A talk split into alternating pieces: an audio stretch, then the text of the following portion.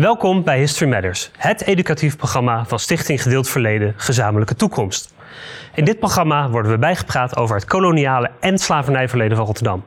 Samen met studenten van Albeda, Zatkien en Hogeschool Rotterdam voel ik wetenschappers, historici, geleerden en Rotterdammers aan de tand over hoe de geschiedenis het Rotterdam van nu heeft gevormd. Onze gasten van vandaag zijn antropoloog Francio Guadalupe en antropoloog en co-founder van de Black Archives Mitchell Esaias. Met een optreden van Vieira Nkosi. Normaal gesproken staat Hasna hier en blijft de redactie achter de schermen. Maar nu doe ik, Giovanni, En Gijs, het samen. laten, Laten we beginnen. Welkom eh, Francio, onze hoofdgast van vanavond. Eh, Francio is eh, sociaal-cultureel antropoloog, werkt als senior onderzoeker bij het Koninklijk Instituut voor Taal, Land en Volkkunde en is als hoogleraar verbonden aan de Universiteit van Amsterdam. Hij doet onderzoek naar urban popular culture en de politics of belonging in het Caribisch gebied en in Nederland. Maar, zeer belangrijk, is hij ook samensteller van het derde boek in de trilogie in het onderzoek naar het koloniale en slavernijverleden in Rotterdam. Rotterdam, een postkoloniale, stad in beweging. Eh, en in zijn onderzoek focust hij zich dan ook op processen van decolonisering. Welkom, Fransio. Fijn dat je er bent. Dankjewel. Eh, we hebben je gevraagd een presentatie voor te bereiden over verzet, hedendaags, historisch. Eh, maar voordat we van start gaan, wil ik graag één vraag stellen. Wat betekent verzet voor jou? Verzet betekent, betekent tegenstand of weerstand bieden tegen iets. Ehm, en ehm, hierbij gaat het om tegenstand bieden ehm, tegen structuren die ervoor zorgen dat mensen zich gekleineerd, gediscrimineerd, eh, benadeeld voelen en worden. Ja. Dankjewel, mooi. En wanneer heb jij voor het laatst zelfverzet gepleegd? En op welke wijze? Dat is een heel goede vraag. Ehm,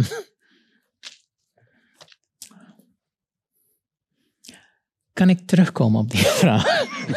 Dat mag absoluut. Daar heb je even om over na te denken. Ik zou je nu graag willen uitnodigen eh, om je tien minuten durende college te geven. Zou ik een applaus mogen voor Francio Guadalupe? Nou, goedenavond Rotterdam. Bon dia. Contabai. How are you? Uh, ik ben geboren en getogen in het Caribisch gebied en uh, ook in Nederland dus. En ik ben een Engelstalige Antilliaan, als je het graag wil weten. Ik wil het vandaag hebben over verzet, maar verzet als onderdeel van iets breders. Verzet als onderdeel van activisme. En activisme betekent dat het gaat om mensen, groepen, individuen die graag iets willen veranderen in de samenleving of in de wereld. En dan gaan ze acties ondernemen om dat te veranderen. En een van de vormen van acties is verzet. Een andere vorm is wat ik noem de politiek van plezier. Dus daar wil ik het over hebben vandaag. Als we het hebben over verzet, dan is het helder dat het gaat om twee dingen. Het gaat om, zoals je ziet in het beeld, het gaat om een hand, een vinger. En het gaat om een mens die onderdrukt wordt, die gekleineerd wordt, die achtergesteld wordt. Je ziet dat je die, de, de hand van die persoon, je kan de hand zien, maar je kan die persoon niet zien. Dus het gaat om onzichtbare structuren. Het gaat om systematisch, alledaags gekleineerd worden, alledaags achtergesteld worden. Daar gaat het om bij verzet. En het moment dat mensen gekleineerd, achtergesteld, benadeeld, negatief, gediscrimineerd, racisme meemaken of genderongelijkheid, dan zie je dat ze eigenlijk gaan reageren daarop. Dat is nou mens eigen. En dan krijg je één van de vormen van activisme en dat is verzet. Nou, bij een politiek van verzet zie je dat mensen vaker op straat gaan. Ze organiseren zich in groepen en dan krijg je zoiets als Black Lives Matter. Maar je krijgt ook uh, allerlei acties om de geschiedenis uh, te herschrijven. Om in ieder geval complementair uh, een ander verhaal te vertellen. Je ziet dat er ook allerlei workshops en acties worden gedaan om te zorgen dat je mensen krijgt in de geschiedenisboeken. Mensen zoals Anton de Kom, mensen zoals uh, Tula, mensen zoals Bonnie. Dat dat onderdeel wordt van de geschiedenis van Nederland. Um, en het gaat allemaal dat mensen erkenning krijgen en dat ze het idee hebben van I matter, ik doe ertoe. Daar gaat het om. Het gaat om gelijkwaardigheid en rechtvaardigheid. Dat is waar verzet van uitkomt. En verzet is een politiek van een gebalde vuist. Het is strijd gebaseerd op het feit dat mensen boos zijn. Ze hebben pijn, maar ze zijn heel boos. En ze hebben het idee van, nou moet het veranderen. En dat is wat je krijgt. En dat was wat Black Lives Matter was about. Nou, de vraag die je kunt stellen is, bestaan er andere vormen van activisme die precies hetzelfde ook kunnen doen? En hier wil ik het hebben over. Als je een politiek hebt van de gebalde vuist, een politiek van verzet, dan heb je een politiek ook van talk to the hand. Kennen we talk to the hand? Dat is een politiek waarin mensen zeggen: Ik ga me niet meer bezighouden met jou. Jij wil mij discrimineren. Jij zegt dat ik niet mooi ben. Jij zegt dat ik geen talent heb. Nou, talk to the hand. Een politiek van talk to the hand, een politiek van, van uh, plezier is een politiek waarin mensen dan gaan zeggen: Ik hoef niet meer naar je feestjes te gaan. Ik ga mijn eigen feesten organiseren. Ik ga mijn eigen muziek maken. Ik ga in mijn eigen groepen mij organiseren. Niet alleen maar mijn eigen groep, maar ook de mensen die graag met mij iets willen doen. Dat is een andere soort van politiek, een andere vorm van activisme. En vaker zie je dat dat vorm van activisme, de activisme from talk to the hand, is een activisme die heel creatief is. Waar, plezier, uh, waar het om plezier gaat. Want deze mensen zeggen, ik moet zorgen dat ik me mentaal gezond blijf. Jij hebt het probleem. Jij bent ziek. Dus ik moet niet proberen om onderdeel te worden van de samenleving. De samenleving moet veranderen. En ik moet zorgen dat er andere vormen worden gecreëerd waarin andere mensen dan onderdeel kunnen worden van deze nieuwe Nederland die wordt gecreëerd. Ik geef je één voorbeeld daarvan en dat is een stuk die gemaakt is in Rotterdam en het gaat hierover. Kijk maar. Wat denk je nou? Kun je me bellen, kun je me appen? Ik heb geen wifi in de club. Ik heb geen wifi in de club. Laat me met rust. Ik ben al binnen met mijn boys. Meestal zegt ze niks op app. Nu wil ze dat ik er binnen zit. Haal je kaartje op internet. Free mijn niggas uit de chill. Kan niet wachten tot we samen zijn. Je ziet me binnen en ik verspil. Raak heel mijn salaris kwijt. Ik was al binnen. Ik was al binnen. Ik was al binnen. Ik was al binnen met mijn boys. Jij stond in de rij, maar ik was al binnen. Ja. Ik was al binnen. Wat zien we hier? Ik was al binnen. Nou, wij weten allemaal dat in het verleden en nog steeds is het zo dat een aantal Nederlanders, Nederlanders van kleur, mannen, vaker niet in een club komen. Wat doet broederliefde hierbij? Zij zeggen, wij zitten in de club. Jij moet nou binnenkomen. Dat zijn de rollen omdraaien, waardoor mensen bewust worden, er zitten bepaalde dingen die niet kloppen. En de club is zeer waarschijnlijk een club dat zij hebben georganiseerd. Een van de plekken waar ik heb gewoond is in Helmond. Er was een, uh, een stichting, een Surinaamse stichting in Eindhoven. Strefiepi heette het. En Strefiepi organiseerde clubs voor jongeren zoals ik. Dus wij kwamen daar met jongeren van Marokkaanse, Turkse, Komaf, Antillianen, noem het maar op. Wij kwamen daar en dat was onze club. Wij waren altijd binnen. Dat is een politiek van talk to the hand. Srefiepi was ook een plek waar er huiswerk werd gedaan. Dus dit was een multifunctionele club waar wij eigenlijk sterker zijn geworden. En op den duur ging het niet om, ik wil graag onderdeel zijn van de samenleving. Maar wij zagen op den duur dat de vraag gesteld moest worden, wie verlangt naar wie? Welke beeld van Nederland is de beeld van de 21ste eeuw? En wij dachten, de beeld moet een beeld zijn waarin wij merken dat wij onderdeel zijn van deze samenleving. En dat jij verlangt naar dat diversiteit. Dat wij zijn. Eén clip, nog eens een keer uit Rotterdam, gaat daarover. Als mensen werden gezien als de jungle, iedereen wil nou graag onderdeel zijn van de jungle. Jij valt op mijn imago, mijn eigenschappen, want we komen uit de jungle. Ik ben een strijder van je, nu ben jij mijn. Want we komen uit de jungle, ja we komen uit de jungle. Zeg me waar wil jij heen, als het aan mij ligt bewegen we nu. Afrika terug in de jungle, we leven duur in de Benelux. Zeg me waar wil jij heen, als het aan mij ligt bewegen we nu. Afrika terug in de jungle, we leven duur in de Benelux. Waar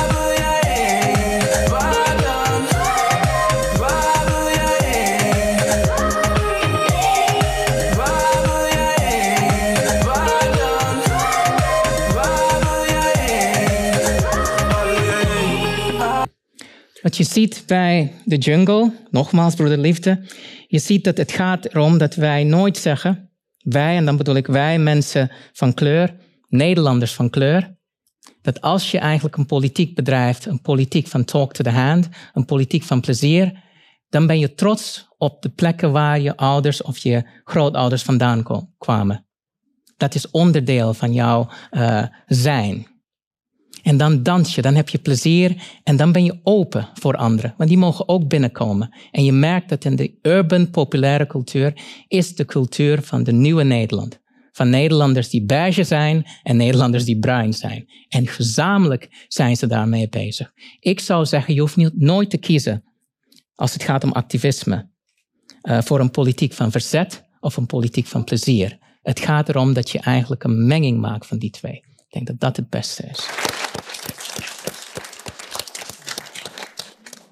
Hartstikke bedankt, uh, Francio, voor je mooie college en je mooie muziek die je hebt meegebracht. Um, zoals uh, al heel even eerder gezegd, werken we bij History Matters samen met studenten van het Albeda Stadkin en de Hogeschool Rotterdam. En in aanloop naar deze uitzendingen uh, maken we altijd met de studenten, um, ja, gaan we kijken wie dus de gastsprekers zijn. En dan bereiden we samen met ze hele leuke vragen voor. Uh, interessantere vragen.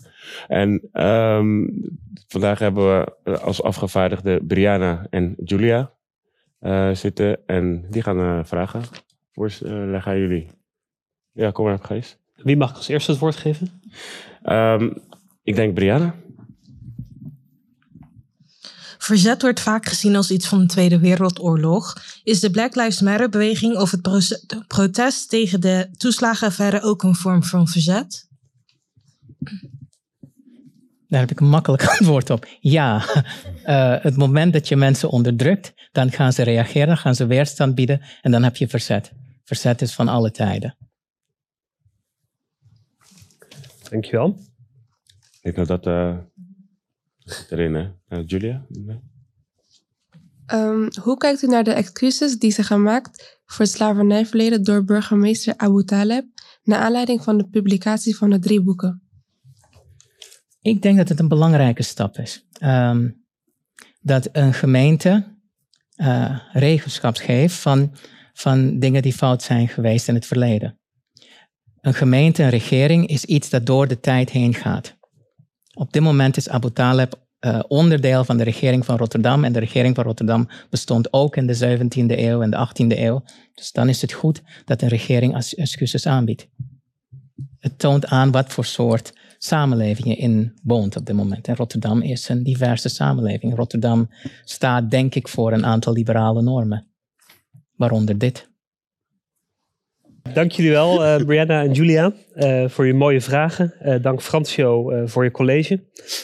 Um, en fijn ook, Mitchell, dat jij weer aangeschoven bent om dit college onder de loep te nemen. En ik wil graag ook even bij jou beginnen, hoe jij kijkt naar Francio's pleidooi van nou ja, eigenlijk twee soorten, twee soorten verzet. Dus inderdaad het verzet wat jij in de vorige aflevering als het ware misschien besproken hebt.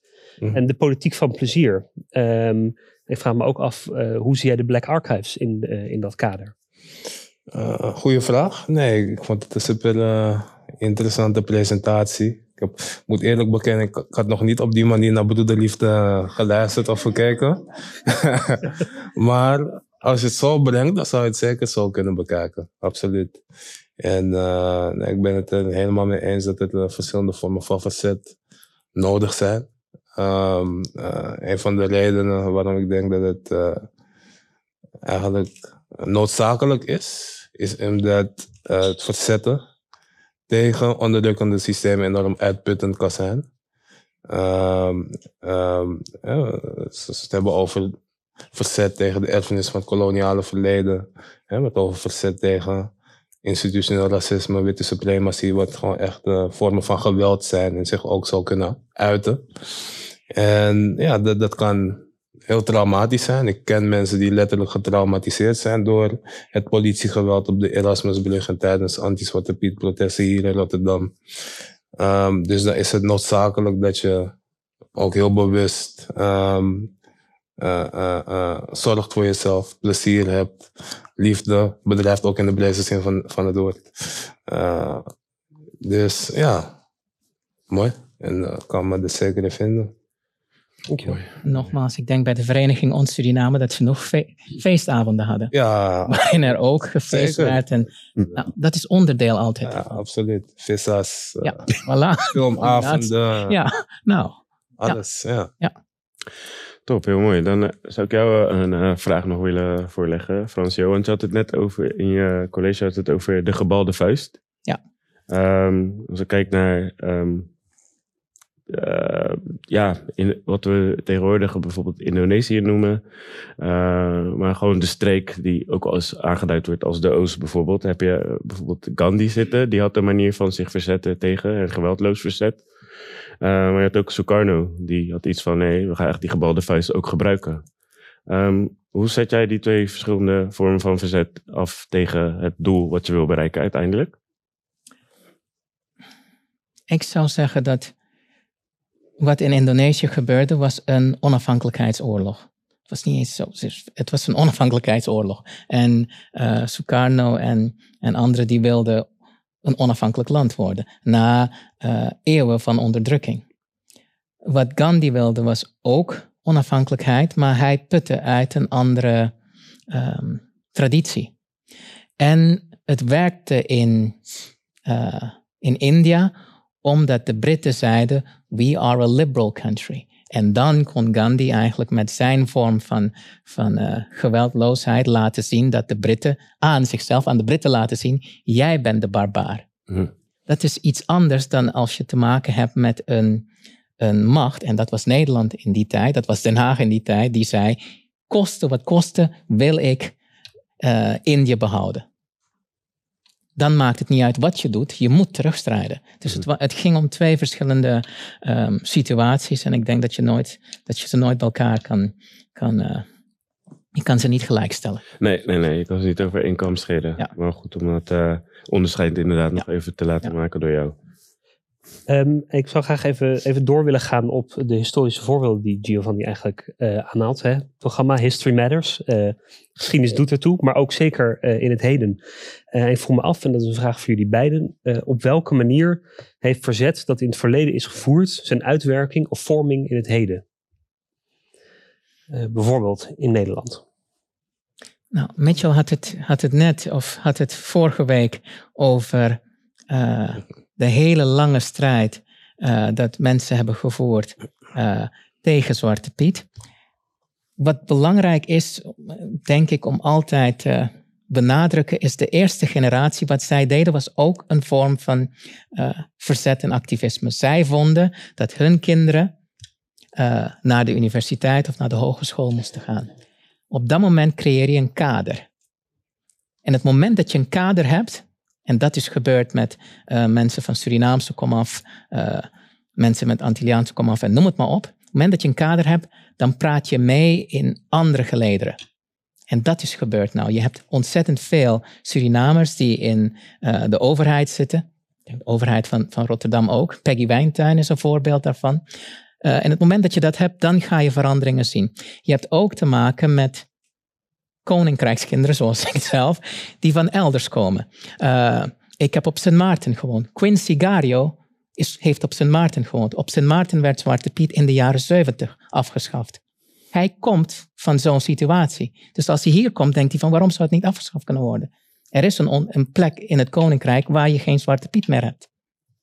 Dus je moet kijken, en hij komt van een langere geschiedenis van mensen zoals Camille Bailey, die op Sint Maarten was en die zei van nou, nou is het genoeg. Nou schaffen we het af. Dus als we het hebben over dat hele geschiedenis van eh, eh, Sinterklaas en Zwarte Piet en geschiedenis van activisme, dan denk ik dat we altijd koninkrijksbreed moeten kijken en dan begin je bepaalde dingen te zien. En dan snap je zo iemand als Quincy Gario. Hij komt niet van dat geschiedenis van de jaren tachtig in Nederland, maar hij komt van de geschiedenis van Sint Maarten. Van het Caribisch gebied, die dan hier in Nederland komt en die zich manifesteert op een bepaalde manier. Mooi, dankjewel. Ja.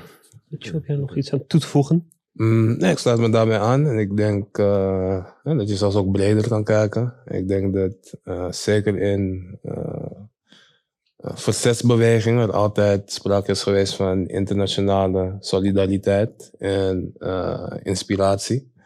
Um, zeker in die periode, jaren 70, 80, zag je dat, hè, die decoloniale strijd. Um, nou, in ons archief zien we dat Suriname zich lieten inspireren door uh, de Black Panther Party. Maar ze lazen ook boeken van Amilcar Cabral. Um, uh, ze, ze organiseerden solidariteitsprotesten voor Angela Davis tegen apartheid. Dus die internationale strijd is denk ik altijd aanwezig geweest en ook intergenerationeel. Denk ik dat nou ja, de, de, de anti-Zwarte Piet protesten um, ook zijn geïnspireerd bijvoorbeeld door een Martin Luther King en dan Malcolm X en die, de, Black Panther Party omdat dat ons referentiekader voor de hele lange tijd was. Dus op allerlei manieren zie je die intergenerationele en internationale verbinding. En daarin is geschiedenis heel belangrijk, want daar kan je gewoon die lessen uitleren van kijk, wat deden hun goed, wat kunnen we faciliteren, wat voor tactieken gebruikten ze, wat voor strategieën. En uh, dan kan je die ook op je eigen manier toepassen. Mooi. Als ik daar even op in mag haken, of je dat misschien wat verder uiteen zou willen zetten. Wat kunnen um, uh, hedendaagse verzetstrijders eigenlijk leren van historische verzetstrijders? Wat kunnen we meenemen? Welke um, Nou ja, wat ik net, net aangaf. Ik denk dat, uh, wat Franco net uh, eigenlijk al illustreerde net, met Gandhi en Sukarno Gandhi was een inspiratiebron van Martin Luther King, die ook het uh, geweldloos verzet als principe gebruikte. En ja, je ziet over de hele wereld dat heel veel bewegingen dat als uh, tactiek hebben gebruikt. Hè, in de context dat je tegen een soort macht vecht die nog enigszins een moreel bewustzijn lijkt te hebben.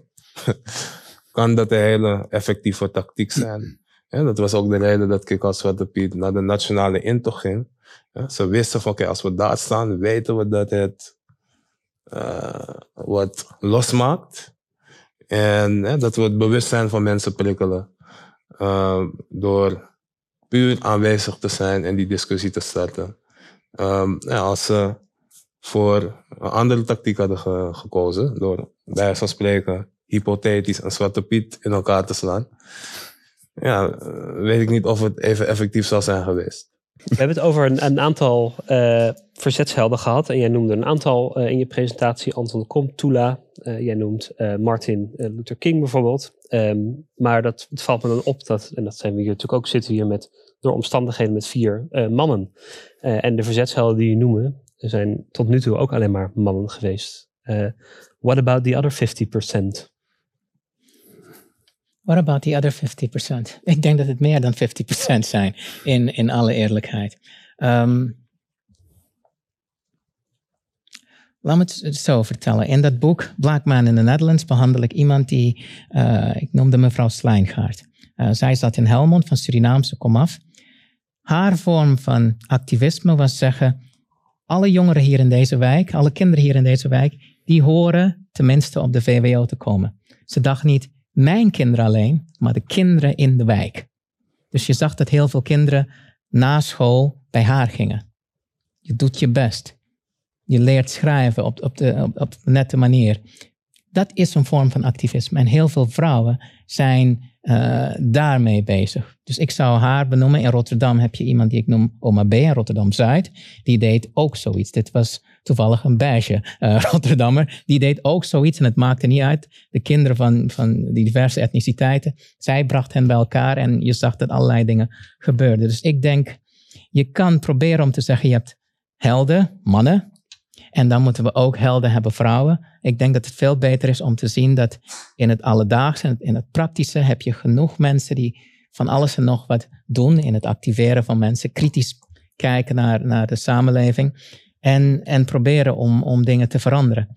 Het gaat altijd erom, denk ik, in, in alle tijden, je moet heel goed kijken naar de dubbelstandaard van de samenleving waarin je werkt, woont. En dat is wat je aanpakt. Dat dubbelstandaard was, denk ik, in, in de case van, van die strijd van Mitchell en hen, de dubbelstandaard was dat sommige kinderen verdriet hadden en dat werd niet gezien. Dat is een dubbelstandaard. En dat pak je aan. En op het moment dat je dat doet, dan kun je langzamerhand een samenleving bewegen richting verandering. Omdat ze inzien van ja, een dubbelstandaard mag niet. Want wij geloven allemaal in een bepaalde idee van de samenleving. Dus dat is, dat is waar activisme altijd om draait. Hoe pak je een dubbelstandaard aan dat, dat negatief uitpakt voor bepaalde uh, bevolkingsgroepen? Als ik een klein dingetje mag toevoegen. Zeker. Um, zeer belangrijk, absoluut. En ja, wat je ook veel ziet in de geschiedenis, ik noemde het al, dat uh, vanuit een bepaald standpunt wordt geschreven. Ja, vanuit, uh, nou, als we kijken naar de Nederlandse of de zaakjes westerse context, vaak vanuit de positie van een eurocentrische bril, maar ook vanuit een mannelijke bril. En dat betekent dat zwarte vrouwen bijvoorbeeld hè, uh, met zo double silence te maken hebben vaak. Um, en in die verzetsbewegingen uh, zie je daar ook voorbeelden van. Hè, dat er wordt gevochten tegen racisme, maar dat er, dan dat er wel sprake is van patriarchy, hè, van seksisme. En daar is er ook weer verzet tegen geweest. En er zijn verschillende bewegingen geweest die dat hebben aangekaart. Uh, Gloria Becker's boek zie ik hier, Witte Onschuld. En die was actief in de zwarte migranten vrouwenbeweging hier in Nederland, jaren 70, 80.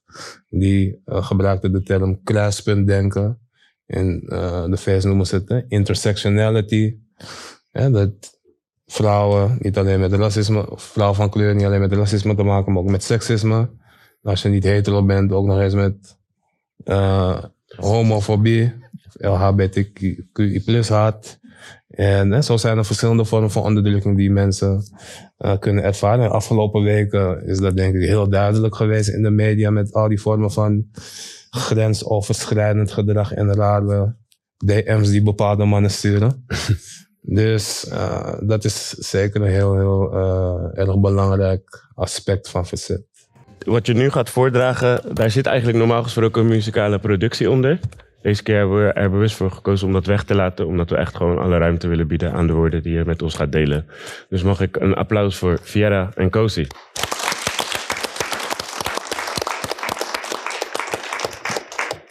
Goedenavond, dames en heren. Avond. My ancestors, when I write, I see them and talk with them, hoping in the promised land I can walk with them. My ancestors. When I write, I see them and talk with them, hoping in the promised land I can walk with them. My ancestors. When I write, I see them and talk with them, hoping in the promised land I can walk with them. Voor de verandering rap ik hier geen battle spit. Viera rapt in de geest van een broeder Malcolm Mix. Ik hou mijn visie scherp en als ik kijk uit mijn raam zie ik de duivel daar, dus heb ik mijn pen klaar. Mijn wapen is mijn spirit, mijn geest is mijn gevaar. Door middel van de lyrics waarmee ik mijn visie kaats. Over de hele wereld zie ik zwarte mensen op straat, of ik nou loop in Rotterdam of te geval. Gedragen door de ritmiek, door de muziek, allemaal zijn het van niets iets makende pieps. Ik verrijk mijn visie door te luisteren naar tracks. De zwarte ziel bleef hetzelfde, al veranderde de rest. Mijn stem is een instrument en ik speel mijn muziek als ik speel met mijn woorden als een echte MC. Ik laat me meevoeren door toepasselijke beats. In mijn vorige leven was ik een jazzartiest. My ancestors, when I write, I see them and talk with them, hoping in the promised land I can walk with them. My ancestors. When I write, I see them and talk with them, hoping in the promised land I can walk with them. My ancestors. When I write, I see them and talk with them, hoping in the promised land I can walk with them. Ik heb dromen van mijn oma Malushinje bovenop de berg. Opa Pashukinje is er ook en we kletsen zo gezellig. Omgeven door een wit licht, zo een hele felle. Beiden zijn al tijden dood, maar hun geest leeft verder. Ik hoor het mensen nog zeggen, jij hebt de spirit van je voorouders met je, dus beter blijven die Tory rappen. Die woorden bleken waar ik leek voor even dood te gaan, klaar om op te geven, maar mijn oma die kwam mij nog redden. Magere hein vastbesloten om mijn ziel te hebben. Ik zag hem binnenkomen lopen zonder wat te zeggen. Ik keek de dood in de ogen, probeerde nog te vechten. Hij greep me bij mijn strottenhoofd. Ik leek het loodje te gaan leggen. Ik voelde alle krachten langzaam uit me weg hebben totdat mijn oma's gedaante verscheen om mij te beschermen. Zonder hen was ik er nu niet om dit te vertellen. Mijn voorouders zijn mijn engelen. God bless. My ancestors, when I write, I see them and talk with them, hoping in the promised land I can walk with them. My ancestors, when I write, I see him and talk with him, hoping in the promised land I can walk with him. My ancestors, when I write, I see him and talk with him, hoping in the promised land I can walk with him. Herinneringen blijven leven als wij zijn verdwenen. En ik hoor mijn voorouders spreken over hoe mij te bewegen. De wortels van mijn stamboom die houden mij in leven. Met mijn beide benen op de grond voorgegaan door velen. Ik wil treden in voetsporen van Fella. Dan men zegt, Viere die is onbreekbaar. Hij spreekt met de geest van een Emilcar Cabral en Titini Siladi. Cabo gaat dood voor waar hij voor staat. Dat is de reden dat ik glazen plafonds kapot sla en opsta zoals Bob Marley mij dat opdraagt. Dit hier is Sankofa. Weten waar je gaat met kennis waar je van komt. Iets dat ik met trots draag. Ik spit het hier op deze plaats en breng een plengoffer aan jullie door middel van een traan.